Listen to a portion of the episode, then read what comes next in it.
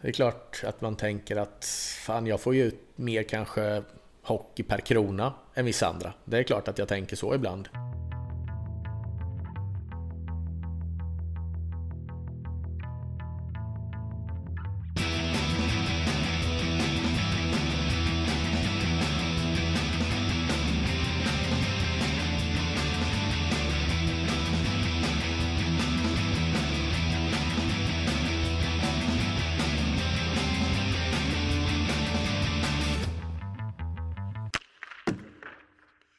Hallå där! Välkomna till ett nytt Trash Talk. Jag heter Micke Mjörnberg och nu är intervjusommaren här. Från och med idag och fram till början av augusti någon gång kommer torsdagarna att förgyllas med intervjuer med eh, Hockeyettan-profiler som på ett eller annat sätt har varit med och färgat den här ligan. Och först ut och sätta sig framför mikrofonen det är Kalmars sportchef Daniel Stolt, denna hypade man som det talas om lite här och var. När vi spelade in det här, då hade Kristianstad fortfarande inte blivit nekade sin elitlicens och Kalmar stod med andra ord inte med ena benet i Hockeyallsvenskan. Därför pratar vi inte om just den saken. Men utöver det blev det ett matigt samtal med väldigt många olika infallsvinklar. Eh, och skulle ni inte få nog av det, ja då kan ni hänga med till Patreon också. För det är ju så att alla som stöttar podden med några riksdaler i månaden Får bonuspoddar via Patreon. Så gå in på patreon.com, sök efter Mjörnbergs Trash Talk Så står det precis hur man gör för att stötta podden och ta del av bonusmaterialet. Bonusmaterialet den här veckan, ja det är ju Daniel Stolt som listar sina fem bästa värvningar genom karriären. En väldigt intressant lista. Men nu har det blivit dags att släppa loss intervjun. Först bara ett litet ord från avsnittet sponsor. Det här avsnittet presenteras i samarbete med Gemticket Ett system byggt för att öka försäljningen och samtidigt spara tid åt er kanslipersonal.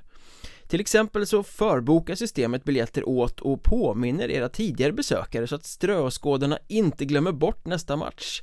De har då 24 timmar på sig innan förbokningarna släppts till allmänheten Vill du höra vad Gemticket kan göra för just din klubb?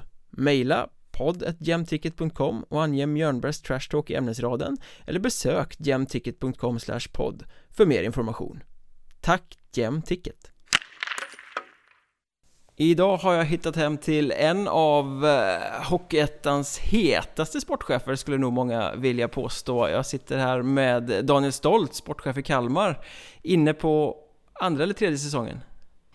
Tredje blir det nu. Eh, kört eh, två säsonger, så att det blir tredje nu och det ser vi fram emot. Det var nära nu och nu tar vi nya tag.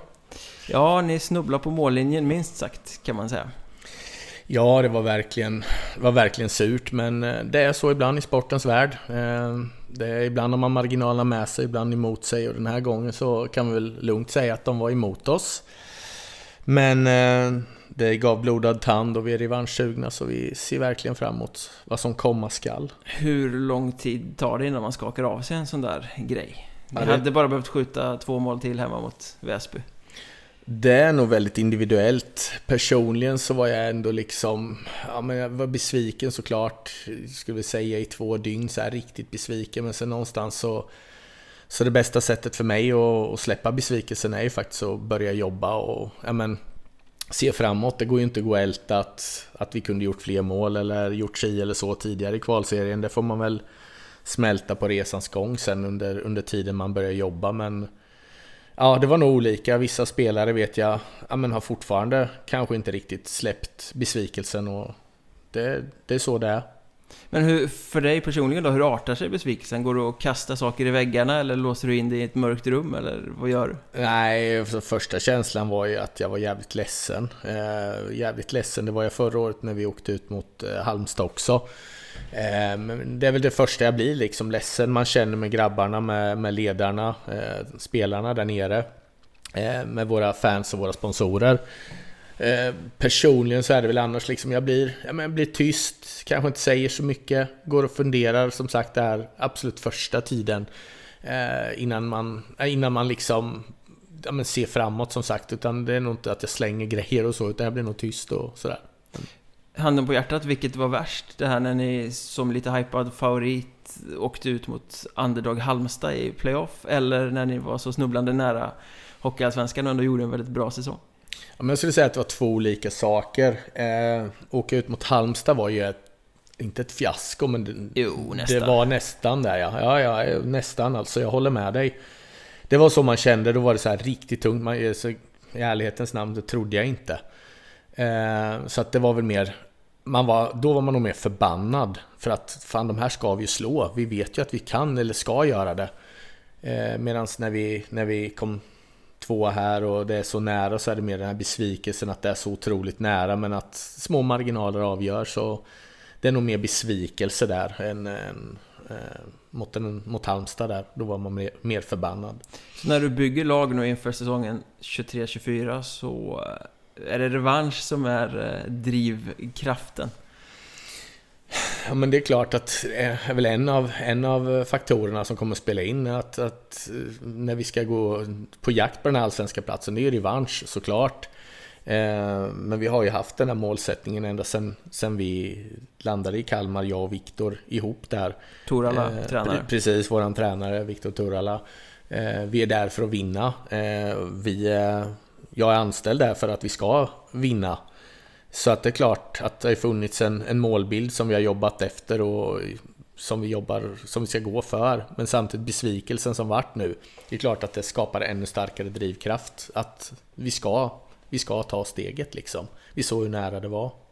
Vi kommer återkomma till det och eh, Torala om en stund. Men eh, jag tog fasta på en sak du sa här innan vi, när vi pratades vid, innan vi träffas idag faktiskt. Du påstod att du är tråkig. Ja men det är nog Va, på vilket sätt är jag du vet. eh, tråkig? Jag vet inte. För jag kan nog vara tråkig i sådana här äh, poddar och grejer och äh, jag vet inte om den, den är roligare att sitta med andra men det kan nog vara lite så här, ja, men vad ska vi säga? Tråkiga korta svar och kanske Kanske lite, lite för, ja, jag vet inte, inbunden och inte säga så mycket. Jag vet inte. Tråkig som är professionell eller tråkig som är blyg då? Nej, jag vet inte, det är någon blandning kanske. Jag, jag gillar inte rampljuset, det är inget för mig liksom. Jag är, men, tycker andra förtjänar det bättre också. Det är väl inte att jag är blyg, men jag tycker inte om att synas och höras på det sättet. Jag har ingen, inget driv i det alls liksom, på det sättet. Jag gör hellre ett bra jobb i det tysta och sen så om det är någon annan som vill, vill och kan få ta den äran så jag har inga problem med det, jag skiter i det. Eh, för det är ju ganska tydligt faktiskt om man tittar på Hockeyettan, om man tittar på liksom eh, framgångsrika personer eller profiler eller sådär. Du har ju ändå åstadkommit väldigt mycket och är ganska högprofilerad i din roll. Många pratar om dig som en liksom coming man, en hypad sportchef. Men du syns väldigt sällan. Alltså bildgooglar man finns du knappt överhuvudtaget. Eh, Nej. Du dyker upp i någon eh, liksom pressrelease eller någon tidningsartikel när du kommenterar nyförvärv. Men annars är det liksom blankt. Mm. Nej men det är väl när jag är tvungen helt enkelt och någon tvingar mig till intervjuer eller ta en bild. Annars är det liksom som jag säger, rampljuset är inget så för mig. Det är inte, det är inte därför jag gör det här det är liksom, utan jag gör det för att jag, jag älskar hockey och jag brinner för det. Så att eh, det är därför jag har valt det här yrket. Och, men det här med att synas och höras, det är inget för mig. Det, det, det är andra som passar bättre i den rollen tror jag. Fast du gillar att snacka. Jag gillar att snacka på telefon, snacka lite skit och lys- lyssna av vad andra tycker och tänker, absolut. Och förmodligen också, antar jag, eftersom du lyckas värva ganska bra spelare, ganska ofta bra på att sälja in saker också. Jag har jobbat som säljare innan och sådär, så att jag har väl en fördel av det tror jag. Det, ja, så är det. Då, då är vi på rätt plan här i alla Ja, fall. ja, men absolut. Känner, men, känner du av det här, att du är hypad, att du är omtalad som en, eh, en, en sportchef som andra pekar ut som en av de bästa i ligan? Nej, det är väl inget så jag tänker på heller. Jag, jag vet väl att jag gör ett hyggligt bra jobb och det räcker för mig. Jag bryr mig inte så mycket vad andra tycker och tänker på det sättet. Det är väl mer, det är väl mer roligt när någon säger någonting eller berömmer en. Det är klart att man uppskattar det. Men det är inte så att jag går och tänker på vad, vad de andra tycker om mig eller om jag gör ett bra jobb eller så. Det, det skiter jag faktiskt i. Blir du smickrad om någon kommer fram och säger att du är Hockeyettans svar på Henrik Evertsson? Ja, det skulle jag bli, men det är aldrig någon som har sagt det. Men säger någon där så lovar jag att då kommer jag nog bli lite, lite smickrad. Jo men jag har hört jämförelserna just det här liksom att inte nödvändigtvis någon specifik bakgrund som spelare och kommer in kanske med ett lite annat tänk. Mm. Ja, kul. Eh, Men hur är det med den sportsliga bakgrunden egentligen? Har du någon överhuvudtaget? Sportslig bakgrund har jag. Jag har spelat tennis och jag har spelat fotboll. Eh, jag spelade fotboll fram till jag var, jag vet inte, 15-16 eller någonting och slutade väl där. Tennis spelade ett par år till men fick sluta på grund av eh, skador. Eh, axlar, armbåge. Jag var... Jag tränade jävligt mycket men jag förstår väl inte att man kanske borde vara på gymmet också och bygga upp kroppen lite utan jag var ja, men väldigt så här, smal och ja, men begrep väl inte att det kunde vara bra att ha lite muskler också. Så att eh, jag har en bakgrund men eh, tennis passade mig bättre. Jag var som, som egen idrottare så var jag väldigt egoistisk. Jag eh, var kanske inte världens bästa lagspelare i fotboll och sådär heller. Utan att för den var, skulle vara en dålig lagspelare men tennis passade bättre.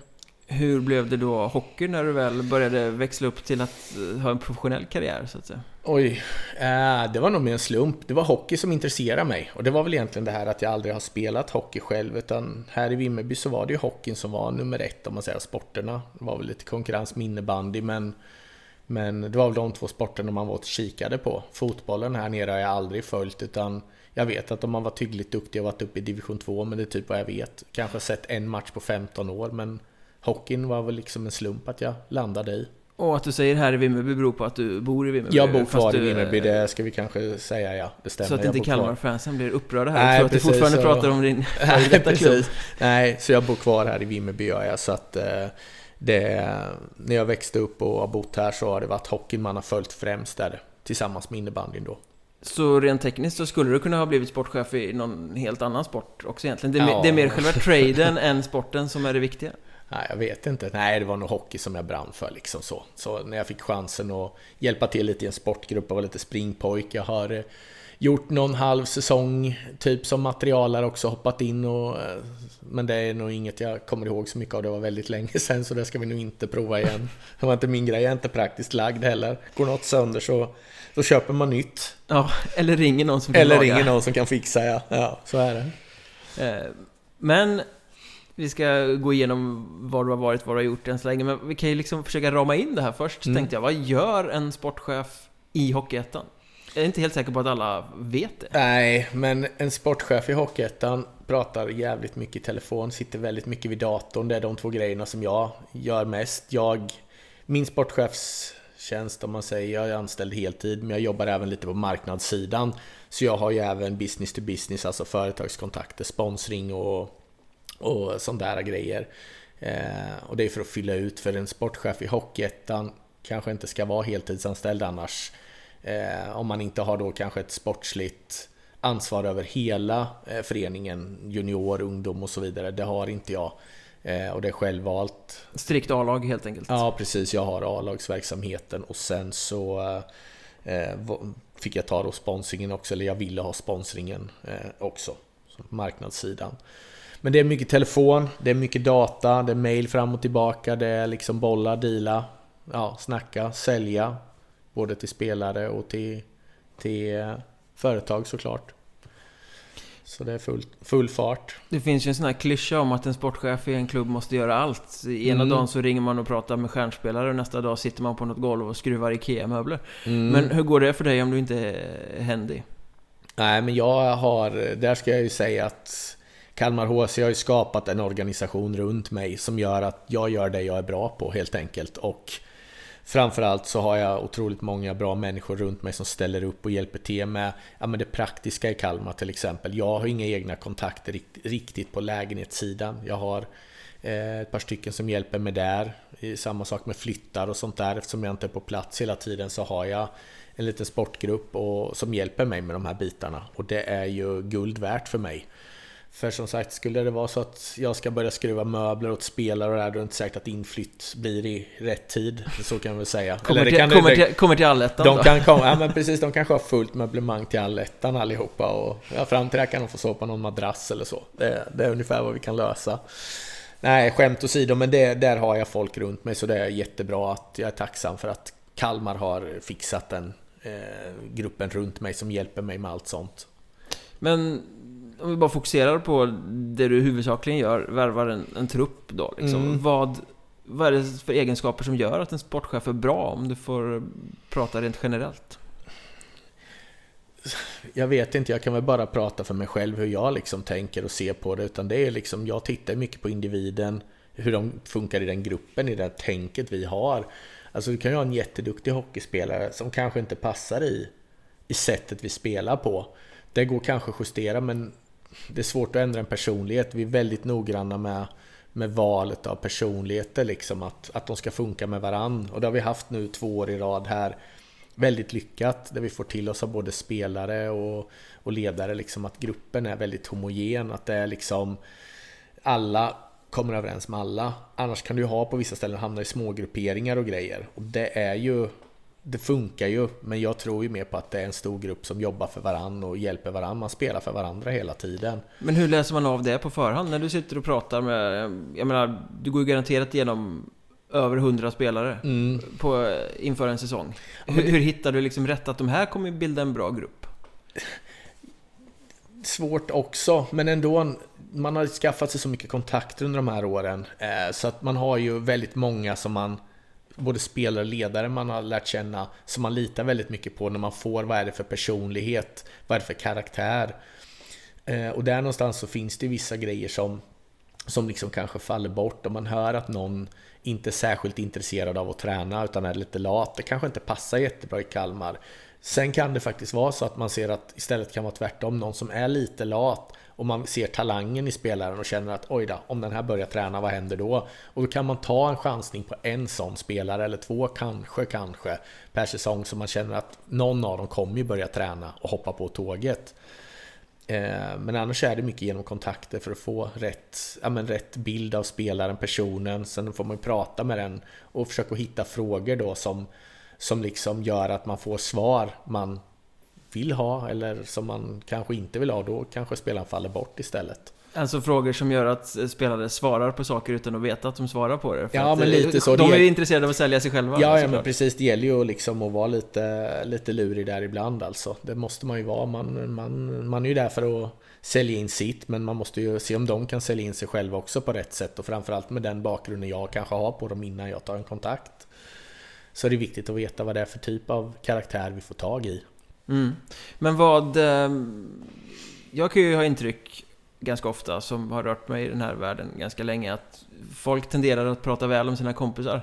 Att om du ställer en fråga mm. till någon så är det inte mm. säkert att du får hela bilden av nej. den här eh, spelaren. Hur, måste man lära sig hur man ska lyssna på olika individer och sånt också? Ja, nej, men absolut. Det spelar ju faktiskt roll. Det tycker jag. Och jag försöker verkligen att ja, men, lyssna av ja, men, och ställa fler frågor. och och kanske också där ibland få dra ur lite svar. För det är ju som jag brukar säga till spelarna att och det är ju så det är. Jag säger, ringer inte upp spelaren i fråga om jag tycker att den inte var intressant sen och berätta vem som sa vad. För det, det gör jag ju inte. Nej. Utan det kanske är att jag bara säger nej men vi har valt att gå vidare med någon annan. Jag ibland kanske inte ens säger att jag har fått i, Tagit infos. referensen liksom? Nej men precis som att jag tagit referenser som inte har varit bra. Utan jag kanske bara tycker att nej, men det räcker med att säga att jag går vidare på, på annat håll. Eh, men det är som du säger att ibland får man ju passa sig. Det räcker ju oftast inte med en referens. Men sen har man ju varit så pass länge nu så man känner så många så det räcker med att ringa tre, fyra snabba samtal så har man ju en bild av en spelare. Och eh, vet vilka man ska lyssna på också. För vissa av mina gamla spelare kan jag ringa direkt och de litar på 100% för de har inte haft fel hittills. Då kan man ringa igen bara att okej, okay, det här är bilden de har och då är det så. Mm. När du kom på kartan första gången, eh, egentligen för en större publik, eller man ska säga, du var ju lite assisterande sportchef i både Vimmerby och eh, Västervik innan du tog över, över som eh, sportchef fullt ut i Vimmerby. Jag kommer mm. ihåg att jag skrev någon gång tidigt om ett av dina tidiga lagbyggen att det såg ja. ut som att det var Elite Prospects värvat en blöt natt. Ja, det minns jag. Det, det var en källa till munterhet på många håll. Mm. Om du tittar på de lagen, idag, lagen idag mm. Känner du att du har utvecklats någonstans? Liksom? Jo, men det tror jag. Det, det tror jag absolut. Och det är väl liksom att jag har haft många bra tränare runt mig som jag har kunnat bolla och lära av. Eh, jag har lärt mig av misstag också med både spelare och agenter. Jag har väl liksom skaffat mig en, en kärna av agenter som jag jobbar tätare med. Eh, har jag. Och kanske någon som har tillkommer någon som har fallit bort under de här åren. Men framförallt så skulle jag väl säga att jag har eh, Tycker jag själv att jag har, har blivit bättre på att ta åt mig vad andra säger. Eh, alltså tränare till exempel och det här än att man bara går sin egen väg. Eh, I början kanske jag var liksom lite så att jag ville ha på mitt sätt och bara så. Och då var jag jävligt bekväm med att tränaren kom in sent. Det har det gjort i de flesta av mina lagbyggen. Att tränaren kommer in sent. Men här har vi liksom, nu har jag tredje året i rad. Det har jag inte haft den möjligheten innan med, med någon tränare. Så att nu blir det att vi bygger laget ihop och bollar fram och tillbaka idéer och tankar. Men eh, ja, absolut. Det, det har utvecklats, det har jag. Och det ser man väl på spelare du värvar också. Det är inte nödvändigtvis poängspelarna som eh, Nej. liksom dräller så att det finns... Jag menar de här tidiga Vimmerbolagen hade du ju tre första kedjor nästan. Mm. Ja, ja, nej men absolut. Det var väl... Här är det väl lite, vi, säger, vi pratade om det nyss, karaktärerna på dem. Men skickliga hockeyspelare men ändå rätt karaktär. Och jag säger inte att det var dåliga karaktärer i Vimmerby, tvärtom. Det var jättefina killar allihopa, men det kanske varit lite trångt. Ja, många av dem gick ju vidare och hade, eller har fina karriärer på andra ställen. Ja, jag vet att jag räknat det där någon gång att tittar man på alla de här åren som jag jobbat i Vimmerby och Västervik och Kalmar och sådär så ser man att det är väldigt många som har gått vidare. Det är många, många spelare. Det, det är väldigt intressant att se. Kul att det har gått bra för dem. Ett kvitto kanske på att du hade någon form av öga? Ja, lite talang kanske. Eller lite tur varje gång kanske också. Det är nog en blandning, men absolut, det är roligt. Men jag gläds med grabbarna som har fått chansen i Allsvenskan, SHL eller utomlands. Det är jättekul tycker jag. Så att eh, det är jättes jättespännande. Jämför man sig med andra sportchefer? Det kan väl vara det här ibland att man tänker att... Alltså, det är klart att man tänker att fan, jag får ju ut mer kanske hockey per krona än vissa andra. Det är klart att jag tänker så ibland. Men inte direkt annars liksom, utan det är väl det att jag kan tänka att ja, men hade man haft lite mer pengar så hade det väl kanske varit lite enklare eh, ibland. Men inte direkt att man jämför sig, men det är klart att hockey per krona kan man ju tänka att hur kan inte de få ut mer hockey per krona när de har så mycket pengar liksom. Men när du tittar liksom, du själv har ju en ganska tydlig bild av hur du ska bygga ett lag. Mm. Känns det som när man tittar. Kan du se det hos andra sportchefer också? Att det finns en identitet eller liksom, äh, nej den där killen han står ju där jag stod mitt med vodkaflaskan i, i luften på Elite Prospects. Ja. Liksom. nej, jag vet inte, jag kan väl, alltså en del har väl tydligt och en del tycker jag det är liksom, nej men det här funkar inte, då byter vi. Och så byter de igen och man liksom känner vad, vad är det du försöker utan kanske ändå, jag kan ju ändå se ibland något lag, jag vill inte nämna något lag men jag har sett något lag som kanske har varit något på spåren och sen så bara slår man om och tänker varför gjorde de så? De var ändå någonting på spåren där liksom. Eh, och, hade någonting kanske bra på gång. Men sen byter man riktning och sen är man tillbaka igen på ruta ett och då tänker jag varför? Eh, men det är klart att jag har väl sett liksom hur vissa lag har valt att ha kanske lite större, mindre skickliga backar. Eh, och det har ju funkat ibland kanske. Men eh, eh, ja, ja, man ser vissa som har en linje i sitt bygge, hur man tänker. Är det mycket dialog mellan sportcheferna i, i olika klubbar? Nej, jag har inte särskilt mycket dialog med någon av de andra, utan jag pratar med dem någon gång ibland. Jag pratar med Pelle såklart i Vimmerby, pratar jag ju en del med, eller rätt så mycket då eftersom vi även är vänner. Eh, Johansson, precis. Eh, han var assisterande under dig i någon ja, säsong? Ja, det var han absolut. Han var väl det. Han var ju med hela resan egentligen. Så det är klart att vi har lärt känna varandra bra och han vet nog hur jag bygger, hur jag vill bygga mitt lag och jag vet hur han vill bygga sitt och det är väl, tittar man på det så är det inte helt olika egentligen tänket på det. Nej, han har ju också klivit in i Vimmerby och satt en helt annan identitet än ja. vad det var åren innan kanske. Ja, men precis. Han har nog, han, han tänker lite som mig tror jag. Det är nog så. Det är tillbaka lite där. Men även om ni inte har kontakt med varandra så jag antar att du har järnkoll på vad de andra sportcheferna pysslar med. Du, du hör vilka spelare de pratar med och...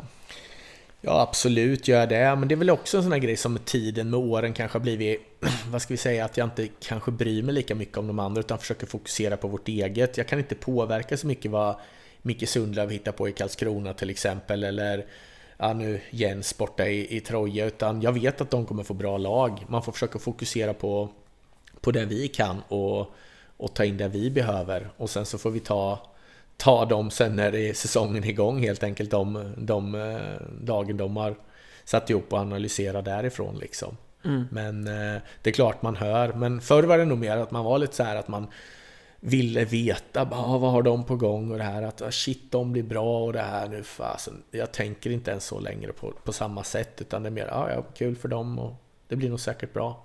Men det är ju så att det finns lite olika skikt, lite olika hyllor bland er olika Hockeyettan-klubbar. Ni är några stycken som blir erbjudna spelare som mm. andra inte får. Absolut.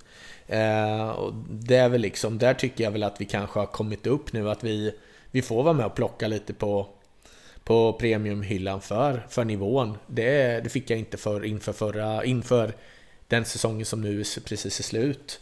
Eh, men nu märker jag här inför i år att jag får lite andra namn. Jag får allsvenska spelare till mig. Jag får de absoluta toppspelarna i Hockeyettan. Eh, och det är roligt att få titta på den hyllan ibland i alla fall. Sen kanske den inte prislappen på hyllan kanske inte alltid passar Kalmar. Vi är inte riktigt där än. Eh, där vi kan sitta och bara plocka, plocka, plocka därifrån. Utan, men någon enstaka kanske man kan få ta därifrån. Det blir inga större budgivningar? Nej, det blir det. Vi är inte med på de här riktiga racen, där är vi inte än. Utan då får, får de andra lagen köra vidare. Och det, det, det, det är väl där man ibland kan känna det här liksom att man, ja fasiken, ja, det är, lätt att, det är lätt att vara bra när man har pengar. Men mm. ja, som sagt, man bryr sig inte så mycket längre om det. Men nu har vi sagt att du har en ganska tydlig identitet på dina lagbyggen. Eh, vad är den identiteten? Vad, hur tar du dig an ett lagbygge? Var börjar du? Men alltså det är så liksom att det är väl kul att ha en, kul att ha en rolig forwardsida men någonstans är det väl så här att ett försvar vinner mästerskapen liksom. Och, eh, jag har väl en rätt tydlig bild hur jag vill bygga en backsida. Eh, den är väl väldigt offensivt framåtlutad, så kan vi väl säga. Ja, det är ju uh, inget brunkargäng du har byggt direkt. Nej, det är det inte. Det, jag gillar ju när vi spelar hockey va. Jag tycker att... Uh, jag tror, att, jag tror fortfarande på det här liksom att eh, spel, spela sig till framgång, inte att liksom stå och knacka icing och... Ja men visst, det funkar några matcher, men jag tror liksom att vi kommer att ha ett lag som ja, men på sikt, man maler ner motståndare. Det ser man ju ändå i år, även om vi nu inte tar, tar det hela vägen. Eh, så tycker jag liksom att resultatraden är rätt bra. Etta grundserie, etta i allettan och sen två år i kvalserien. Någonstans så ser vi att det funkar att göra så. Eh, och det är väl liksom, jag tittar lite på, ja men det är klart att jag har också sådana jag tittar på. Jag tittar på Per Kente, hur bygger han? Vad har han för typ av backar? Ja, det är rätt liknande. Tänk. Eh, och det ser man ju på det laget som, som var och laget som kommer att backsidan är skicklig liksom. Vi vill kunna lösa lösa motståndarnas press eller sådär och kunna spela oss ut i zon med pucken under kontroll. Då handlar det om spelskickliga backar snarare än eh, kraftfulla backar som kan ja. sätta folk i sargen? Ja men precis, så är det. Absolut. Eh, det bästa hade varit om man kunde få båda delarna men eh, vi väljer att liksom titta på hur skickliga backarna är och det behöver inte vara att man är Erik Karlsson och kan ta pucken liksom coast to coast, det är inte det det handlar om utan med skicklighet för oss så, så ser vi andra saker. Det är lösa situationer på ett smart sätt, välja när du ska hoppa med i anfall och, och de här bitarna liksom. Ligger det någonting i den här kritiken som jag och andra också har riktat mot Kalmar under säsongens gång? Att ni är extremt spelskickliga och spelar väldigt snygg och vägvinnande hockey men att det saknas en liten fysisk dimension just det här att kunna växla upp och bli smutsiga? Ja, men kanske, kanske på ett sätt men samtidigt så jag lutar mig tillbaka mot den här äh, resultatraden igen och säger att ja, jag kan väl hålla med att man kanske önskar det ibland, men sen samtidigt så Sen så samtidigt så finns det inte riktigt den skickligheten hos de här fysiska spelarna i Hockeyettan, tycker inte jag. Jag kan inte identifiera särskilt många fysiska spelare som även har en skicklighet och kan passa in i vårt spel. Det är klart de finns, men de är väldigt få. Eh, och då skippar vi hellre det för att det drar ner så mycket på vårt lag i övrigt, liksom i det sättet med den farten och det vi, vi vill spela i, liksom det som krävs. Eh, Risk att det blir en bromskloss i en lina. Ja, men det kan bli så liksom helt enkelt om man inte träffar rätt på dem. Men det är klart att det finns någon sån som man, som man säkert skulle gilla att ha i laget, absolut. Det... Det, det är ingen överdrift att säga att du har lite förbläss för skridskoskickliga, spelskickliga småspelare. Nej, så är det. Det får jag ju höra ofta. Det är ju den som de flesta är på mig om att du har ett litet lag, de är skridskoskickliga och de är skickliga överlag liksom. Och det är väl så, det ligger ju en sanning i det såklart. Det är väl det jag gillar liksom. Att, och jag tittar ju inte så mycket på om spelarna är 1,90 eller 1,80 utan jag tittar på skickligheten. Vad kan jag få ut här i, i det laget vi har? Jag brukar tänka så att är du 1,90 och skicklig i Hockeyettan då är du fan i regel inte tillräckligt skicklig för att vara skicklig i vårat lag. För är du tillräckligt skicklig då är du i en annan serie. Mm. Det är bara att titta de stora skickliga spelarna, vart är de? De är NHL, SHL, Allsvenskan och så vidare. Så eh, det är väl lite så, det är därför de blir lite mindre. Mm. Men hur går det till då när du värvar en spelare? Om, om du tar oss igenom processen från start till klart så att säga. Ja, det beror ju på liksom. Det kan ju finnas olika vägar. Ibland kan det ju vara en spelare som är pinpointad av oss som vi tar en kontakt med själv och sen får man väl se, om spelaren i fråga agent eller inte. Och så tar man det därifrån liksom, om det är agent eller inte. Ehm, är det, ibland har vi även det att det liksom kommer ut ett namn som man får av, till sig av en agent. Ehm, och då är det ju mer att man bollar vidare med agenten och hör liksom i vilken, ja men, vilken bollpark lönen ligger. Alltså det är det första jag vill veta liksom, annars är det ingen idé att gå vidare. Eftersom jag inte sitter riktigt med den, med den pengabörsen än, där jag bara kan säga men han tar vi och sen så får jag ta pengarna sen, utan jag brukar vilja veta det först. Men låt säga att det är intressant alltså, så brukar vi ju liksom ta ett snack med spelaren, jag och Viktor. Jag ger väl mer en, en generell bild av Kalmar HC med allt vad det innebär och, och vad här liksom, vad man vad som förväntas lite av dem runt omkring och vad, vad vi kan tänkas hjälpa till med och, och sådär kring, kring jobb och, och hitta lägenhet och så vidare.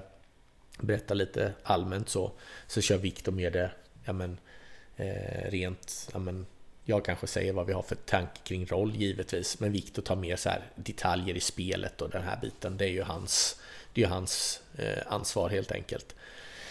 Sen är det ju ofta så att tar det ett par dagar så får man återkoppling av agenten i fråga och att ja, spelaren är intresserad och då går man ju till, en, till, till förhandlingsbordet helt enkelt och därifrån så försöker man ju komma undan så billigt som möjligt. Eh, går ju sådär ibland. Vill man verkligen ha spelaren så sitter man ju där det man gör. Men jag brukar vara rätt ärlig liksom med agenterna och säga att det här är liksom sanningen vad jag kan ge. Eh, jag brukar inte liksom lägga mig om jag kan ge 10 000 för en spelare, lägger inte jag mig på 3 000 och han på ja, 15 och sen börjar man hålla på och larva liksom. Det är klart att det kan skilja någon tusing hit och dit. Men generellt så, så brukar jag försöka lägga mig runt där, där, där, där jag kan verkligen. För att det finns ingen anledning att ödsla tid, varken min eller deras. Förr var jag nog mer att jag tyckte det var roligt och ja men fan vi provar och lägger skitlågt och ser vad de säger. nej, de har, det funkar inte. De... kommer ett samtal en vecka senare när han signar här istället. Ja men precis, ja, men det, det kan vara så att man blir bränd på det också. Så är det, så att nej. Det är bättre att vara rätt så ärlig direkt att det här är vad vi kan göra. Har det märkts av den här säsongen att eh, det har skiftat lite i vad spelarna kan begära med tanke på att eh, det är inte så många klubbar i Hockeyettan som har den här superekonomin längre. Framförallt inte nu när Nybro gick upp i Nej, det försvann ju en klubb med... Ja, men precis. Det försvann ju en klubb med, med obegränsade resurser där. Så att eh, det är klart att några får ju en annan verklighet nu. Och det är ju de som inte får följa med Nybro upp till exempel. Eh, jag förstår att det är några andra klubbar som bromsar lite grann och någon klubb som påstår att de bromsar men det tror jag är skitsnack. Eh, men oavsett där så så nej, men jag tycker väl ändå det är ungefär samma där jag upplever i alla fall. Det är ungefär vad jag förväntar mig, om vi säger så. Det är varken högre eller lägre, utan det är nog typ i de, de spannen jag tänker när jag går in i förhandlingen kanske med spelaren. Mm. Hur mycket försöker agenter och så trissa? Nej, jag vet inte. Jag, jag upplever inte att de försöker trissa särskilt mycket med mig i alla fall. Det, det upplever jag inte. Inte varken att de använder andra mot mig eller att de använder mig för att trissa upp någon annan. Jag vet inte om det är för att jag varit med för länge, att jag kanske inte hoppar på det tåget. Och jag, jag är inte intresserad av att vara med i en budgivning, det vet de flesta om. Eh, de vet också att jag inte är intresserad av att trycka upp någons lön, liksom bara för sakens skull. Vill jag ha en spelare det är klart att jag kan betala en peng, men jag brukar som jag sa lägga där ungefär, ja men det här är vad jag kan göra. Och i många fall så är det verkligen så att det här är vad jag kan göra, that's it. Ehm, så att nej, jag upplever inte att jag blir indragen i någon särskild så här att jag trissas eller är med och trissar eller min spelare blir trissad liksom. Det, det är jag inte. Mm. En sak som är väldigt påtaglig runt om i hela ligan, kanske mm. runt om i hela hockeyvärlden, hockey-Sverige överhuvudtaget, är ju det här att det verkar vara ett självändamål att berätta hur billigt man bygger. Mm. Eh, varför är det så? Varför anses det vara fult att kunna lägga pengar på sin trupp? Det är väl det här att du vill säga att ja, jag är bäst, jag får ut mest hockey per krona liksom. Eh, så det är väl det antar jag. Och det är väl klart att det är alltid roligare att ha ett billigt lag och fått ut jättemycket. Så är det väl liksom. Eh, det känns ju som man man har gjort ett bättre jobb själv. Så är det väl. Fast ljuger man för sig själv då, eller för omgivningen? För man vet ju själv hur mycket pengar man har lagt. Ja, ja precis. Men alltså, nej, nej, de där borta, de lägger mycket mer än oss. Och nej, vi har mycket billigare trupp Ja, nej absolut. Jag, jag vet inte riktigt. Alltså, det, det är väl lite så också. Sen är det väl det här som jag sa att man kan ibland snegla mot någon annan sportchefer och tänka att fan kan de inte få ut mer? Jag får ut mer hockey per krona. Hade jag haft sådär mycket pengar för han har inte torskat en match. Då hade man ju det hade varit för dåligt liksom. Men har du tillräcklig uppfattning om vad de andra har? Ungefär? Jag har en rätt så bra uppfattning om vad de andra har. Eh, Det har jag. Så att eh, man vet att man ligger, man ligger bra till men man är en bit ifrån de absoluta topplagen. Ja, vad Det- skulle du säga att Kalmar mellan tummen och pekfingret ligger liksom då på en eh, hierarkiskala i Hockeyettan? Någonstans runt plats 6-8 någonstans skulle jag gissa på. Lönemässigt är vi. Mm. Eh, och då skulle jag säga att de två, tre översta, de är de är betydligt över oss. Och visst, nu försvann Nybro, men det var ju en av de här som var absolut eh, för oss väldigt långt bort. Ja, och då kan man väl tänka sig att Väsby kanske går in och fyller den eh, Ja, och de platsen. kommer nog kanske fylla de skorna här och sen har vi väl något lag eller två i ja, norrserien hamnar väl ett av dem i och ett är garanterat i norrserien. Sen har vi väl något i Hudiksvall och södra. Boden pratar vi då Ja, om. De, de har ju lite pengar eh, såklart. Eh, men det är som sagt, man får, ju, man får ju anpassa sig till den verkligheten som är. Och jag tycker inte det är något fult att ha pengar så länge du verkligen har dem. Du skulle bli mer förbannad om man ser att en klubb bränner på liksom. Ja, men låt säga att Hudik kör på här och sen skulle de visa att de gör back 4 mille eller någonting så går man upp. Då hade man blivit lite förbannad. Men de har ju uppenbarligen pengarna. Mm. Och då är det inget konstigt med det, utan då är det ju bara att gratulera dem och att de har bra förutsättningar. De den här- sköter, sköter man sin förening så vad fan, då är det bara att köra. Ja men det är det jag menar, det är därför jag tycker det är så konstigt att Mm. alla hela tiden vill spela ner den ekonomiska Mm. aspekten. För Mm. kan du betala mycket betyder det ju också att, Att du de- har gjort något bra. Ja, men har du en välskött klubb så kan du ju i regel betala lite mer. Och har du en riktigt välskött klubb och kanske dessutom har en liten kassakista, då är det ju bara att köra på. Det är ju bara att köra på ett nollresultat varenda år i princip. Om du har tillräckligt med kapital och du har en liten fallskärm om något skulle gå åt skogen. Men det finns ju klubbar som, ja men jag vet inte om de alltså inte förstår att de inte har pengar eller om de bara skiter i det. Utan de kör ju på. Och sen ser man att de får dra i handbromsen nästan direkt. Och det blir ju inte heller bra, tycker inte jag. Nej. Det blir fel och det blir fel mot spelare, leverantörer och alltihopa. Och det är ju som det är, men de, för att gå- återgå till de här klubbarna så de klarar ju licenskraven och verkar ju ha pengar och får ihop liksom bra trupper. Och, så det är bara att gratulera ja, men till exempel Hudik och att de har en välskött förening. Mm. Så är det ju. Men under dina år i Kalmar så måste ni ju ha varit på en resa där ni har blivit starkare. Både vad ni kan erbjuda spelare och vad ni kan locka till er för spelare. Ja men absolut. När jag kom in i Kalmar här så var det ju en klubb som hade väldigt mycket skulder. Eh, sen de här eh, åren innan jag var där eh, med, med struliga sponsorer och vad det är eh, för något de har haft. Eh, men i alla fall, eh, jo, vi har ju gjort en resa ekonomiskt, organisatoriskt och sportsligt.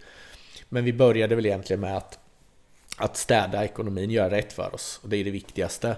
Sen gjorde vi ändå ett hyggligt första år, trots det här, ja, fiaskot mot Halmstad. Jag säger fiasko för det är... Fram idag- dit var det bra, fram Ja, dit var det bra. Ja, precis. Så allt annat liksom gjorde vi bra det året och vi gjorde ett bra plusresultat och städade undan och, och började bygga ett eget kapital helt enkelt. Men vi fortsätter liksom att göra rätt för oss mot våra spelare, leverantörer och partners liksom ekonomiskt och då, då är det klart att vi kan bli lite bättre sportsligt med. Vi har gjort en satsning och anställt på kansliet en marknadschef och en eh, kanslist också. Vi gör en satsning på juniorsidan där vi har anställt på både J18 och J20. Så att liksom det är inte bara att jag får pengarna utan föreningen, vi försöker verkligen göra en organ, bygga en organisation som liksom är hyggligt förberedd om vi tar klivet upp eller när vi tar klivet upp ska jag väl säga för det är ändå målet. Eh, Så att vi inte sitter där och sen är det bara jag som anställd och så går vi upp så har jag, har jag haft alla pengar tidigare och sen så bara, ah, fan hur gör vi nu då? Mm. Utan nu har vi lite folk på plats också. Så det känns bra att vi, vi tar steg för steg. Mm. Eh, när, jag, när jag kom till Kalmar så var det en treårsplan liksom att ja, men, året som kommer nu då, säsongen som kommer, 23-24 är den säsong vi ska göra en riktig attack mot Allsvenskan. Så vi ligger väl kanske lite före planen då, eftersom vi var nära nu då. Mm. Men för att backa tillbaka lite till det här mm. som vi började i, hur man bygger laget och var du börjar och allting sådär. Hur mycket, hur mycket koll på andra ligor har du? Hur mycket hockey kollar du på? Ja, jag kollar, jag kollar inte jättemycket andra ligor. Det gör jag inte. Utan man har blivit så mätt på det. Det är klart att jag kollar ibland och jag kollade en tredje period igår i VM och när jag tittade den här tredje perioden i VM igår mellan eh, Sverige och Lettland så förstår jag varför jag inte kollar på hockey. Det är liksom, alltså, det, ja, det är som det är helt enkelt. Jag, men jag kan förstå ibland, jag är mätt på hockey där man ser och där ändå. Mm. Jag tittar ju mycket på med våra scoutingprogram och det jag använder. Det är mer där jag sitter och tittar. Jag sitter inte och kanske drar på. Det är klart att en lördag och det är en sån här match och jag bara bläppar igenom och det är något på ja, någon SHL-match. Då kan jag sitta och titta, absolut. Men jag sätter mig ju inte dagen efter vi har spelat och sitter och tittar en match mellan ja, Västervik och Tingsryd. Det gör ja. jag bara inte. Och du sitter inte hela nätter och tittar på eh, mittenmatcher från ECHL? Och, Nej, det gör jag inte heller. Det, det kanske Viktor gör, det känns som en grej han skulle kunna ja, men Viktor skulle nog kunna gilla det och sen lite statistik på det från matchen och sådär. Det gillar han. Han är grym på statistik. Han är... Ibland så är det så här att alltså, han är jävligt duktig på statistik ska jag säga. Han kan all statistik och han är extremt påläst. Så det, det skulle passa honom där att vara ren analytiker med tror jag. Han skulle vara grym på det. Ja. Nej men alltså NHL kan jag väl kolla lite men nu är ju Capitals så jävla dåliga så jag kan inte... Ja du har ett lag i alla fall? Ja, jag har ett lag i NHL men det är väl att jag har en spelare och det är, det är väl därför egentligen. Och mm. Annars skulle jag väl kunna sitta och titta på slutspelet och det är klart att jag kollar alltid highlightsen från NHL på morgonen, det gör jag alltid. Det tycker jag är kul. Men du nämnde det i början av inspelningen här också, just det här med att tidigare har du skitit i tränaren. Mm. Den kan komma in sent, du ja. har värvat laget. Eh, nu kom vi in på Viktor här och mm. ni är ju... Alltså ni verkar ju passa så väldigt bra ihop i det ni håller på med. Även om ni framstår som extremt olika personer. Mm, men vi är nog rätt olika personer men, men det är nog bra. Eh, jo men alltså jag litar på Viktor. Jag lägger mig inte i verksamheten på det sättet som en del sportchefer kanske gör. Är nere och petar i allting. Jag litar på Viktor. Han är ju anställd av mig för att han är en bra hockeytränare. Alltså det är ju ett delegerat ansvar. Jag ska inte vara nere och springa och då har jag gjort fel. Mm. Eh, och likadant Viktor litar ju väldigt mycket på mig när det kommer till den här biten med att värva spelare. Han har ju också nu sett i två säsonger att det funkar ju så som de spelarna jag ser passar i det sättet vi vill spela på. Eh, och i grund och botten så har vi liksom, när jag ville ha in Viktor här så, så eh, hade vi en grundsyn på hockey som vi delade direkt. Det var därför jag tog kontakt med honom. Sen sa jag till honom att detaljerna, det, jag är ingen hockeytränare, jag är ingen, det kan inte jag. Inte på det sättet, utan det kan du. Så det får du hålla på och eh, måla och pensla på liksom. Och, så att vi får ut max av, av, av grunden vi vill spela på. Sättet vi vill spela på. Så att, nej men vi funkar jättebra ihop. Vi tycker inte alltid lika och det är jättebra men vi är aldrig liksom, vi är oense men vi är liksom aldrig sura eller osams eller något sånt utan inget sånt utan vi funkar bra ihop. Passar honom bra att du inte vill peta i sporten kanske? Ja men jag tror det. Ja, ja men det kanske det gör. Jag, jag kan tycka saker men jag lämnar det där. Jag kan säga vad jag tycker och sen så bara jag tycker att du borde göra så här eller testa de här spelarna ihop eller det här anser vi liksom. Och det är oftast att det är jag, Jerka Oikarinen och Mike Rodde som jag har i min sportgrupp då eh, och bollar sporten med. Det är vad vi tycker och sen lämnar vi det där. Du får liksom ta in det och göra vad du vill med det. Men det är inte mm. så att vi går ner och säger nu gör du bara så här. Jag tror inte riktigt på det. Eh, det funkar inte. Det blir, då blir det en krock, det blir tjurigt och det blir jävligt och det funkar inte alls. Han är ändå anställd av oss för att det ska funka. Så enkelt är det. Är det vanligt att sportchefer är och springer i, i omklädningsrummet och tycker jag. och pekar? Och det tror jag. Jag brukar ju alltid skriva och tycka att sportchefen ska absolut aldrig vara i båset. Men det verkar vara rätt många som anammar den lösningen. Mm. Men nu ska sportchefen vara med här för mm. att Nej, jag Stå och snegla över axeln på Nej, men jag, sk jag skulle mer kunna vara med och titta i båset, bara lyssna av, alltså tugget mellan spelarna om jag märker att att vi har flera matcher där man upplever att det inte är påslaget. Men det är inget mot tränaren, utan liksom kolla spelarna. Alltså, får man en skillnad bara för att jag ställer mig där nere? Jag tror inte det. Jag, jag, alltså, jag vill inte tro att det funkar så. Bara för att sportchefen ställer sig i båset ska väl inte spelarna börja liksom och och liksom visa lite hjärta och grejer. Det är väl inte det som är problemet. Då har vi ett problem någon annanstans tror jag. Tror jag snarare du underminerar tränarens roll om sportchefen ja, går ner och ställer Ja, men det sig. tror jag med. Och framförallt, jag har inte lust att stå där nere hela säsongen och gro, utan vad fasiken, då får man ju liksom prata med tränarna och fråga hur de upplever det. Det är ju ändå deras jobb, det dagliga, det, det som händer på isen är ju deras jobb. Det är ju inte riktigt mitt på det sättet, utan de leder ju, det är ju deras verksamhet som, som de är delegerad. Så nej, för mig är det men jag tror att det är vanligt. På frågan om, om det är vanligt. Ja, jag tror att det är vanligt. Var befinner du dig under match? Eh, så högt upp som möjligt för att få så bra överblick som möjligt på spelet. Ser du alla matcher? Ja, det gör jag. Alla våra matcher ser jag. Inte alla på plats. Jag åker inte på alla borta matcher, det gör jag inte. Men eh, hemma är jag på alla. Eh, kan vara att jag väljer att se på TV hemma eller kanske se en match uppe i Vimmerby istället. Ja, du kan, det kan hända att du åker och tittar på ja. någon annan spelare någonstans Ja, men precis. Eller ett annat lag bara för att man vill få en känsla kring dem så. Så det kan hända, absolut. Men nu är det ju, eh, även om du inte vill kännas vid det själv, så är det ju ett it-namn i Hockeyettan, eh, liksom en eh, hypad sportchef. Du var ju på väg att få en helt annan karriär där för några år sedan, när du värvades av IK Oskarshamn. Mm. Skulle vara sportchef i Hockeyallsvenskan. Mm. Och så snubblade de sig upp i SHL. Ja att den klubben jublade förstår man ju, men vad var din spontana tanke? Vad fan? Nej, det var väl inte riktigt vad jag signade på för, utan det var väl liksom... När jag signade på så var det väl så här att det är klart man ville att de skulle gå upp i SHL liksom, för man såg ju liksom de här som brann för föreningen och framförallt de här äh, ja, men, ideellt arbetande och ja, men, klack och alltihopa som, som ja, men, har, har stått där i med och motgång. Och det är klart att man önskar om den medgången, självklart. Men äh, för egen del så förstod man ju att det kanske skulle bli Ja, vad fan, ett omöjligt uppdrag. Jag visste ju det. Ja, det är ett stort steg att ta. Ja, och sen liksom där, nu, nu kommer vi in på det igen, jag ska inte skylla på någonting, men fan när man får den budgeten jag hade i Oskarshamn, det är fan vad allsvenska lag har idag. Hur fan, hur ska det funka? Jag har ingen erfarenhet från nivån.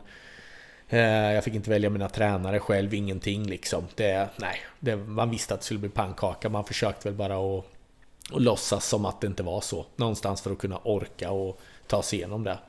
Så att eh, nej, det var ingen, eh, det var inget höjdarår på något sätt. Är karriärens mörkaste eh, del så här långt? Ja, absolut. Det gjorde ju att det tog bort all glädje från hockey för mig fullständigt. Jag funderade ju på att aldrig mer återvända till hockeyn efter det och det var jag har aldrig sagt det innan men jag säger det nu. Det fanns personer i Oskarshamn som jag, aldrig, jag aldrig, kommer aldrig prata med människorna igen och jag kommer aldrig, aldrig respektera dem.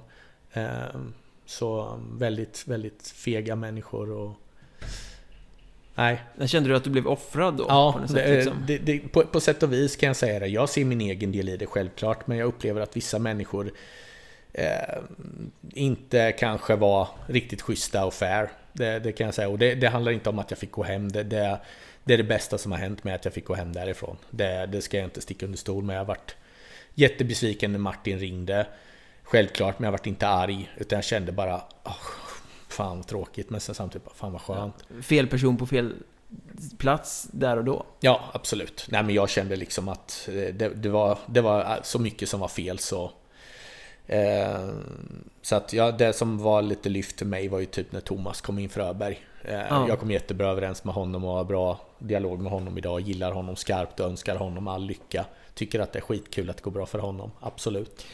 Men eh, finns den där drömmen nu när du ändå är i Kalmar och det går bra och du liksom har en ganska bra position? Har du liksom drömmen om att komma tillbaka till att vara sportchef på en högre nivå? Alltså ta klivet till Hockeyallsvenskan och bli Hockeyallsvenskan då? In, jo, inte få den här liksom chockartade SHL-resan? Jo, men det är klart som, att jag vill det. Liksom. Jag, jag, det är därför jag är i Kalmar. För jag tror att vi kan ta oss till Allsvenskan och jag tror vi kan etablera oss. Men jag tror att det är också en jäkla skillnad att få göra resan själv. Nu fick jag ju hoppa in efter att Per hade gjort ett bra jobb tillsammans med Håkan och Fredrik eh, som tog upp Oskarshamn. Men jag menar, jag och Håkan funkade ju inte alls och det visste man ju efter två veckor kände jag ju bara att det här kommer aldrig funka och det är inget mot Håkan. Jag... Håkan Åhlund eh, Ja precis, Håkan ja. Åhlund där. Och det är inget mot Håkan liksom så utan det var ju inte, det var ju, det var ju liksom så det var. Jag var fel sportchef för honom och han var fel tränare för mig och jag, jag landade in på en nivå som jag inte alls var bekväm med. Eh, så att det är inget mot Håkan eh, i det fallet utan det vart ju som det blev. Men i det här fallet så tänker jag att får man vara med och bygga någonting själv från Hockeyettan upp i Allsvenskan. Eh, så tror jag på något sätt att det ger en annan stabilitet och en annan grund i att man är trygg i att man kommer upp. Jag vet ju att jag kan hantera Hockeyallsvenskan. Jag vet det. Om jag mm. bara får rätt förutsättningar. Men jag fick, in, jag fick inga bra förutsättningar i SHL alls. Och det, Nej, men plus att du hoppade över ja, en precis, hel division. Ja, men exakt, liksom... exakt, det var ju det också. Det var ju liksom både det här att man inte fick rätt förutsättningar. Och jag blev ju liksom helt fel sportchef för Oskarshamn också. Det, det är jag medveten om. Och det är ja, men de hade väl rekryterat en sportchef för Hockeyallsvenskan? Ja, men exakt. Och det var liksom snack om att jag skulle få någon att bolla med. Det pratades om Stefan Bengtzén och, och så vidare och så vidare. Men jag menar, det hände ju ingenting. Och där satt jag liksom med en tränare som vi kom inte överens liksom. Och det, det är ju skittråkigt att man inte kommer överens med någon. Utan det, för mig är det, idag är det överspelat med med Ålund liksom. Jag, Håkan och jag har pratat på telefon och det, det, för mig är det överspelat idag. Jag var självklart jättebesviken på Håkan när han gick ut i TV och svingade och det här men det var det, han var lika besviken han och jag, jag är som jag säger, jag tycker inte om att synas och höras utan jag jag kanske tog onödigt mycket skit. Det gjorde jag nog. Men eh, jag kände bara att jag orkar inte ens hålla på. Jag var rätt så mentalt slut också. Vad är lärdomarna du har med dig därifrån då? Som gör dig starkare och bättre idag? Men alltså, det, det, alltså, jag vet inte egentligen vad jag fick. Jag, det är klart att jag lärde mig grejer där. Jag, jag kan säga att ja, jag, jag drog nytta av, jag lärde mig saker av Håkan. Det gjorde jag. Och det var det var det grejer jag haft nytta av i, i tänket i lagbygge liksom. Mer det här med, men han pratar mycket om karaktärer och det här och det är det klart att det har jag tänkt och tagit med mig. Även om jag haft det innan så har jag nog tagit det ännu mer på allvar. Och det är likadant allting runt omkring. Att allting funkar runt omkring var Håkan väldigt noggrann med. Och det, det, det tog jag åt mig och det tror jag att vi haft nytta av i Kalmar. För allting har funkat med allt med att spelarna haft jobb till att vi har haft ett bra medical team. Eh, de har varit helt fantastiska i år med både behandlingar och se till att få spelarna till till ja, men, rätt läkare och sånt när det har hänt någonting. Och det var en sån grej Håkan var på mig hela tiden om. Det här är viktigt. Ja, och det var inte jag van vid från Vimmerby. Nej. Så det är klart att då, då var det liksom så, det var ju sån krock för mig liksom. Så att det är klart att jag hade nytta av det. Eh, så lärdomarna är nog många därifrån, det tror jag så här, utan att kunna peka ut något särskilt. Men, men eh, lärdomarna finns där. Men vad fick dig att vilja komma tillbaka till hockeyn då? För att du sa att nej, du, det kändes som att du aldrig mer ja, nej, jag var så jävla bränd ju. Eh, jag mådde inte bra, verkligen inte bra. Jag kände ju liksom att jag, jag tyckte jag fick täcka skott för alldeles för mycket. Det var liksom inget så här att det var ingen självrannsakan i föreningen alls där, att man, man ja, men, fick Daniel rätt förutsättningar. Och då menar jag inte bara att jag fick rätt pengar eller fel pengar att jobba med, utan det var ju prat om att jag skulle få ett stöd och jobba med någon och alltihopa. Det fick jag efter ett tag med Thomas, men jag menar då var ju redan laget så skadeskjutet. Vi provade byta tränare, ingenting liksom hjälpte. Det var ju så skadeskjutet. Ehm, så det är klart att, att det var, men, det var en jävla jobbig tid. Jag mådde inte alls bra. Jag, på det personliga planet mådde jag inte heller bra. Ehm, och då tänkte jag att nej, men jag måste ta ett vanligt jobb och bara göra något annat. Jag ska aldrig mer tänka hockey. Men så var det väl egentligen jag fick mycket stöd och ja, men, av, en, av en slump så så skulle jag bara bolla lite. Jag bollade med Ludvig Jardeskog. Eh, Backen där? Precis, min gamla back. Han ville ha lite hjälp, råd, tips. Så jag hjälpte honom och tipsade honom och sen så kom han i kontakt med, med en agent som, som eh, gav mig väldigt mycket stöd och ja, men, trygghet i att ja, men du kan ju hockey liksom. Eh, du, måste, du måste ta dig tillbaka.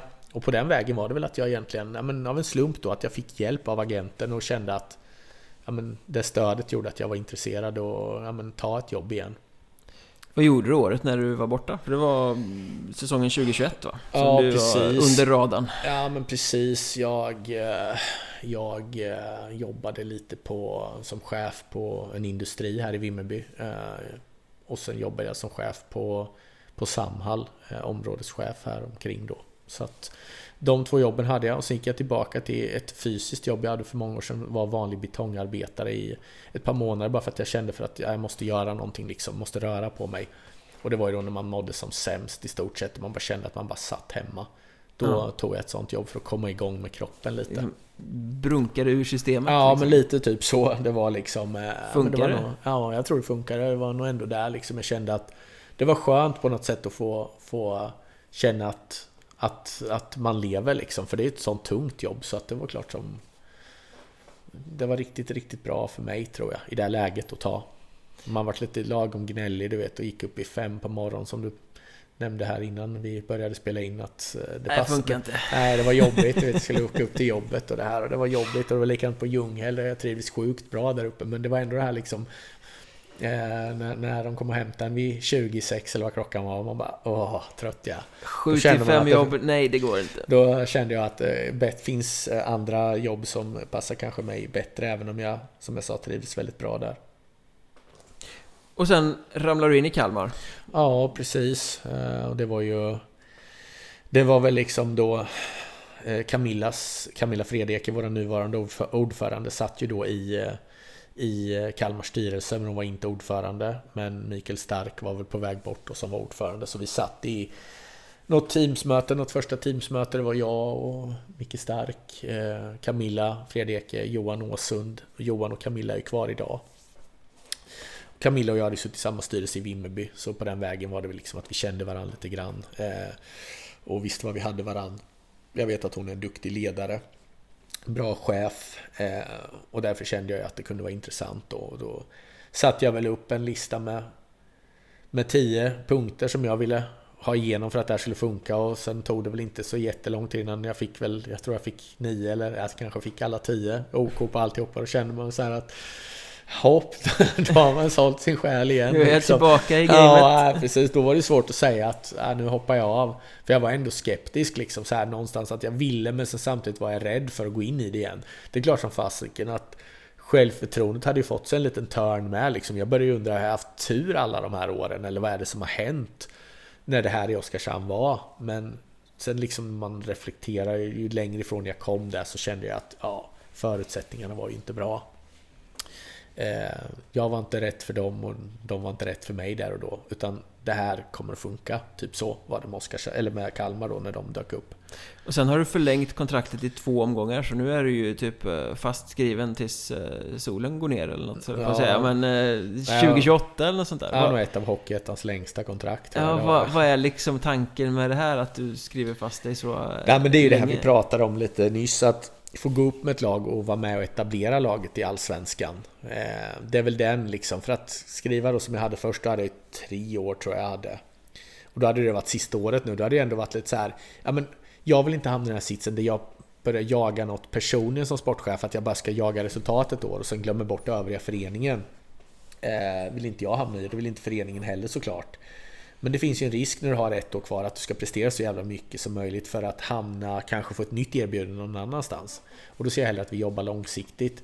Jag trivs i klubben jättemycket. Jag kan inte få det bättre. Jag måste ju liksom skicka all cred jag kan till, till eh, styrelse och eh, min sportgrupp och alla de här som finns runt laget, allihopa. Funktionärer allihopa, de gör ju att min tillvaro där nere är väldigt, väldigt bra. Och då är det ju lätt för mig att göra ett bra jobb sportsligt och med sponsorer. För det blir så extremt mycket där jag behöver, eller kan fokusera. Istället för att jag du vet, ska springa som du sa själv för att stå och snickra IKEA-möbler när man inte kan det. Bara för att ta ett exempel. Eller kanske måste sitta i sekretariatet som jag kan tänka mig att Per Kente fick göra uppe i Haparanda någon gång när det var någon som saknades. Ja, ja, han gjorde väl allting i, Ja, men- i den klubben. Ja, men jag menar, det, så, så, det, det skulle inte passa mig riktigt om vi ska få ut max. Och därför kändes det som ett lätt val för mig att förlänga. Även att jag haft lite annat intresse. Så, Ja, jag menar, du har väl haft allsvenskt intresse eh, redan nu? Klubbar Ja. som i alla fall har hört sig för ta ja, till ja, dig på intervju. absolut. Ja, men absolut. Så att det har jag haft. Det har ju varit ett par stycken. Så, men jag känner ändå att nej, det, det ska vara något väldigt bra. Det, det ska det vara liksom. För att jag ens ska överväga det och i det här läget så känner jag inte att det, det är inte aktuellt överhuvudtaget. Utan jag fokuserar fullt på Kalmar och, och liksom jobbar, vi jobbar oss framåt där. Men säg att det skulle bli två till sådana här eh, snubblar i kvalserien år. Tror du inte att det finns en risk att det börjar kännas lite hopplöst och, och bli mer eh, spännande att röra på sig? Jo, alltså jag vet inte. Tänk på hur många gånger jag snubblat i playoff 3 där med Vimmerby. Det är varenda år, det gör ju Vimmerby jämt. Så det, ja, är, det, är bara, det är ju, det är ju inte bara jag. DNA att förlora det, mot laget som sen jag, går upp. Jag satte den, eh, tyvärr, jag satte den ribban att vi ska åka ut i playoff 3. Sen har ju bara Mogge och, och Pelle hängt på där tyvärr. Eh, nej men jag, det, det är klart att varje gång man åker ut sådär eller det inte går hela vägen, det är klart som fasiken det är tungt men men jag hoppas ju att vi ska hitta någon väg här fram i år. Alltså så att vi ska ta oss hela vägen eller nästa år då. Men eh, eh, nej, jag tror inte att det är så. Utan jag, jag drivs ändå så pass mycket av den här revanschen. Jag vill liksom någonstans bevisa för mig själv och för dem som ja, men jag var i Oskarshamn att ja, men det har inte på den här nivån att göra. Att, men okej, okay, jag kanske inte hade det då men någon gång kanske man vill tillbaka dit. Jag var inte redo för det då och så det bara är så. Mm. Men eh, får man vara med och bygga ett lag från Hockeyettan upp till Allsvenskan och etablera dem så tror jag man har bättre förutsättningar för att ta ett sånt jobb i framtiden. Så kan jag väl säga. Men säg att ni hade gått upp med Kalmar nu med, med den truppen ni hade. Eh, hur stor del hade ni kunnat behålla? Svårt att säga, men alltså jag är ju fortfarande där också. Det var ju en sån grej som, men där, nu kommer vi tillbaka då, när du ställer den frågan kan jag bolla tillbaka till en, en reflektion och en en lärdom jag fick utav Håkan Åhlund. Han pratar mycket om kontinuitet. Jag har ju aldrig behövt jobba, eller har inte kunnat, behövt. Har jag väl behövt, men jag har inte kunnat. Nej, det är ingen paradgren i Hockeyettan direkt. Nej, men det är ju svårt att göra det. Men kontinuiteten, alltså att man inte bara står och byter ut 22 spelare för att ja, men de här är på pappret bättre.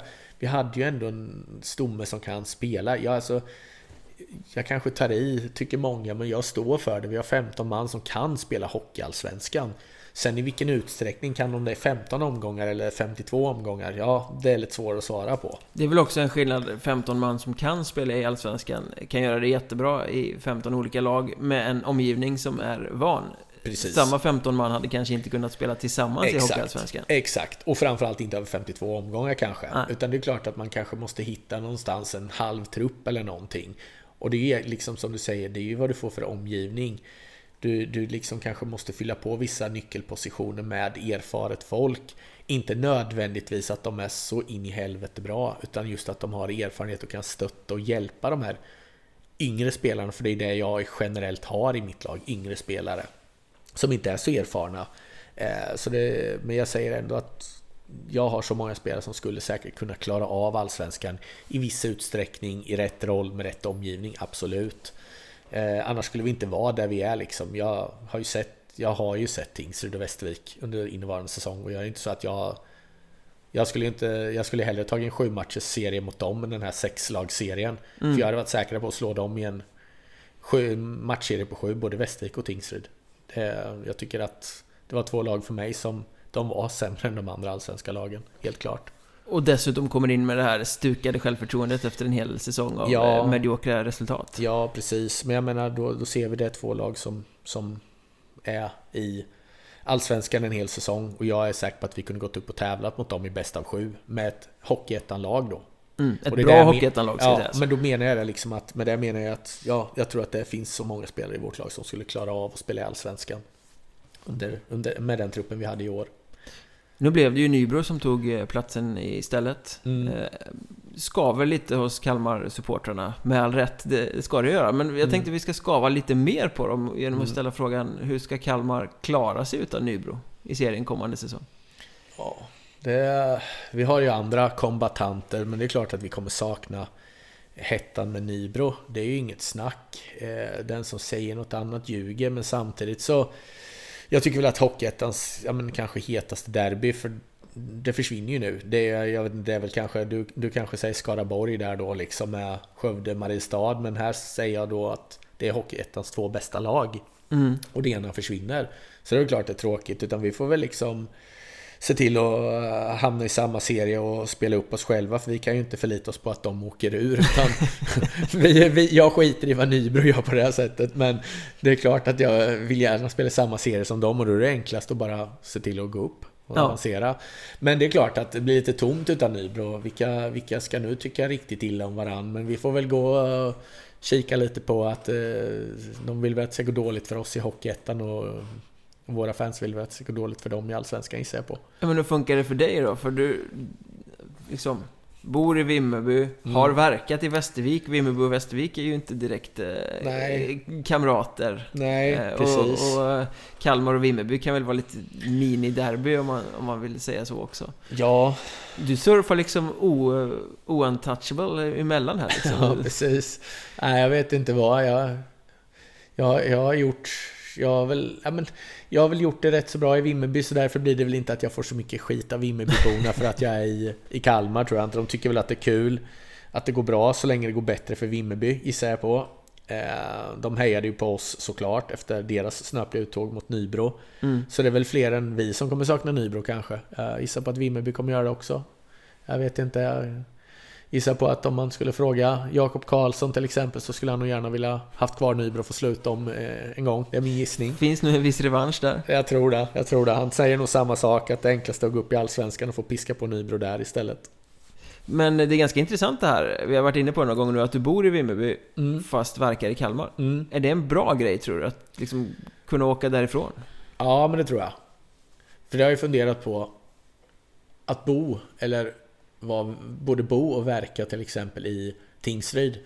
Jag tror det skulle kunna vara rätt påfrestande, bara för att ta ett exempel med en lite mindre ort. Här är ändå Vimmerby, det är min hemort. Det är inte på samma sätt för mig. Jag ser det inte på samma sätt. Även om Tingsryd och Vimmerby inte är extremt stor skillnad i storlek på. Men att säga att jag skulle flytta till, till Tingsryd och verka där liksom som sportchef, då tror jag det skulle kunna bli jobbigt om det går tufft. Det tror jag. Men jag ser det också som en fördel det här att kunna åka ifrån Kalmar. Särskilt när det har varit en tung vecka kanske och vi har inte levererat resultat som vi ska eller någonting. Det var skönt att landa hemma i Vimmerby och ja men jag behöver inte liksom stöta på folk på stan och det här som, som måste fråga allting eller ifrågasätta spelet eller resultaten eller, eller den biten. Det slipper ju jag. Eh, så jag tror att det är bra. För mig passar det bra i alla fall. Väldigt bra. Ja, framförallt om du säger att du då är personligheten som inte vill ha rampljuset. Ja, ja, nej, Att absolut. blir du igenkänd i Kalmar om du går på stan? Ja, men det blir jag ju. Eh, det är många som liksom känner igen mig och det här och, och säger att det är kul att det går bra och det här är ju alltid roligt. Men det är fortfarande som jag säger det här att stå i rampljuset på det sättet, det är inget som jag överhuvudtaget har något behov av liksom. Utan jag, eh, jag tycker det är skönt att komma hem till Vimmerby och, och slippa den grejen nere i Kalmar, så är det. Apropå sportchefer och Vimmerby och allting så Du har ju faktiskt haft Emil Georgsson som nu är hypad sportchef i Mm. eh, Södertälje Mm. eh, Kanske Hockeyallsvenskans motsvarighet till vad du är i Hockeyettan, jag vet inte Mm. eh, Du har haft honom som spelare i både Västervik och Vimmerby Mm. Såg man det på honom att han var ett sportchefsämne när han var spelare? Han är ju tjurig och bestämd så han vill han något så tar han sig dit tror jag. Hade han inte lite Nerviksmentalitet som spelare? Ja, men jag vet inte om han hade det egentligen. Jag vet att det har varit det snacket men det tycker jag inte. Men han var väl liksom... Jag, vet, jag upplevde inte, jag upplevde att han var en bra ledare och pådrivare. Men jag tror att han, hans som spelare kanske var att när det vart så här tufft att han fokuserade väldigt mycket på, på alla andra också liksom. Och kanske la sin energi där. Och kanske ja, men, försvann lite själv. För han var en jävla bra ledare och där ställde sjukt höga krav och inte minst på sig själv. Eh, men det är, det är en sån här som, jag är inte förvånad att det går bra för Emil. Hockey har han alltid kunnat och han har alltid varit intresserad av att snacka hockey. När jag var i Västervik så, han ringde ju över mig nästan varje dag på morgonen direkt efter och skulle analysera matchen och var förbannad för något. Oavsett om vi vann eller inte så var det inte bra. Emil är sån, han är lite perfektionist och Även om det är perfekt så är det inte bra ändå. Utan eh, han drivs hela tiden av att bli bättre. Så jag, är inte förvånad. Har ni något utbyte mellan varandra? Nu, Nej, inte jättemycket så. Eh, vi bollar ju kanske något namn här och var, men eh, nej, inte jättemycket. Men vi är ju goda vänner liksom, men inte sådär jättemycket. Eh, han har jag frågar han ibland om de spelar, om han har koll eller jag kan slänga något tips till honom från min trupp eller någon vi har mött. Eh, kanske fråga om ett lån, men inte mycket mer än så har vi inte. Han har ju en de har ju en annan filosofi kanske hur de spelar just nu och särskilt när han var i Västervik var det ju helt annorlunda. Det var inte så att de kunde spela någon glad hockey där nere utan de hade ju ett material som fick fick satsa på att bara försvara sig höll jag på att säga. Så, Fast han var ändå rätt vass där i Västervik Ja, ja, på fan. att hitta de här Ja, ja. transatlanterna som faktiskt kan färga. jo, men han gjorde ju det här fantastiskt bra om du tittar på hur mycket spelare han levererade vidare. Som, Ja, till Björklöven och ja, till vad sålde dem varit och liksom.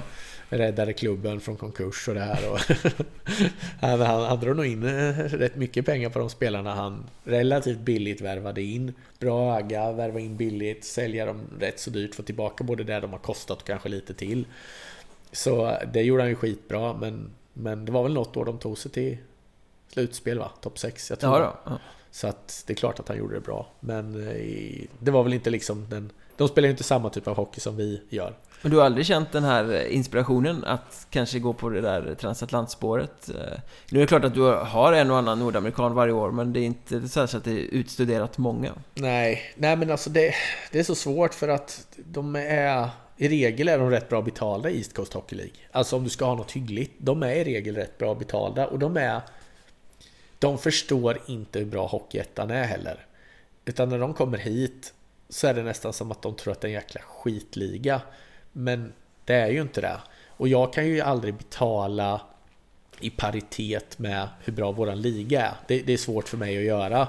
Så då får jag ju liksom kanske ta en sån som Eric Erik Israel som jag fick relativt billigt men på tips av Tyler Coulter faktiskt. Eh, som sa till mig att han skulle du gilla, han kommer passa i hur du vill spela hockey, sa Tyler. Så jag kollade på honom och Viktor och jag kollade bara, fan, han ska vi ha liksom. Så sån, men jag, alltså, och ta utstuderat med liksom, då, då, måste man ha lite mer pengar tror jag. Så att du kan verkligen ta lite på någon högre hylla i East Coast i alla fall, lite mer etablerat. Israel fick väl chansen i Oskarshamn redan innan säsongen hade börjat? Ja, men jag körde någon försäsongsträning där uppe någon vecka eller något och jag vet att Fröberg sa att ja, han såg rätt så bra ut faktiskt. Så att eh, ja, det funkar nog att de kan träna lite där uppe och hjälpa till, det tror jag. Men det är samma sak där. Det 52 omgångar i SHL. där har de inte... Det är, jag, hoppas och, jag hoppas och tror stenhårt på Hampus. Det gör jag. Hampus Karlsson som eh, Thomas värvar från oss. Det, det, det gör jag verkligen. Fast det är väl också en sån tacksam spelare att ta för att han kan ju gå i fjärde linan utan att det ja, blir ja. något problem. Ja, du kan sätta honom på både kanten och center. Han är ju mångsidig, men den utvecklingen han har haft hos oss i år är ju remarkabel. Alltså den är ju... Det kanske är nog en av de spelarna som jag haft, eller som jag under de åren jag hållit på, som haft störst utveckling under en säsong. Att han var bra från början, absolut, men i slutet var han ju... Han var ju outstanding tycker jag. Ja, han bar i oss stundtals när inget annat funkade i kvalserien så var han ju så bra. Mm. Finns det någon eh, mer sån i Kalmartruppen inför kommande säsong? Nej, det törs jag säga direkt att jag... nej, det är bara skitspelare. Nej, det törs jag säga direkt att hitta en Hampus Karlsson till eh, året efter det, nej, det gör jag inte. Det, det gör jag inte. Nej, så bra. Jag, hade, jag hade en på gång kan jag säga som jag... Äh, jäkligt besviken att jag inte fick honom för då hade jag sagt ja, jag har en till. Men du gick bom? Jag gick bom. Det var också en Borås-spelare, så kan jag säga. Då... Eh... Får du göra din research på om det försvann någon eller har försvunnit någon som får in och bara kolla om det kan vara någon. Då skickar vi ut alla eh, lyssnare på Elite Prospects att scouta lite grann ja, och eh, säger eh, kul att du ville vara med. Ja, tack så mycket för att jag fick vara med. Där hade vi Daniel Stolt, tack för att ni har lyssnat Vill ni komma i kontakt med mig så är det lättast att skriva på Twitter, att Mjornberg heter jag där, finns också på Facebook och Instagram om man tycker att det är roligt Och kan ni inte få nog, vill ni höra vilka som är Daniel Stolts fem bästa värvningar genom tiderna? Ja, då hänger ni med till Patreon. Gå in på patreon.com, sök efter Mjölnbergs Trash Talk så står det precis hur man gör för att stötta podden och ta del av bonusmaterialet. Och lyssnar man noga, ja, då kan man ju också där få reda på vem som är gäst i nästa veckas intervju. Tack alla ni som stödjer podden, det är, värmer i hjärtat. Tack för idag, vi hörs.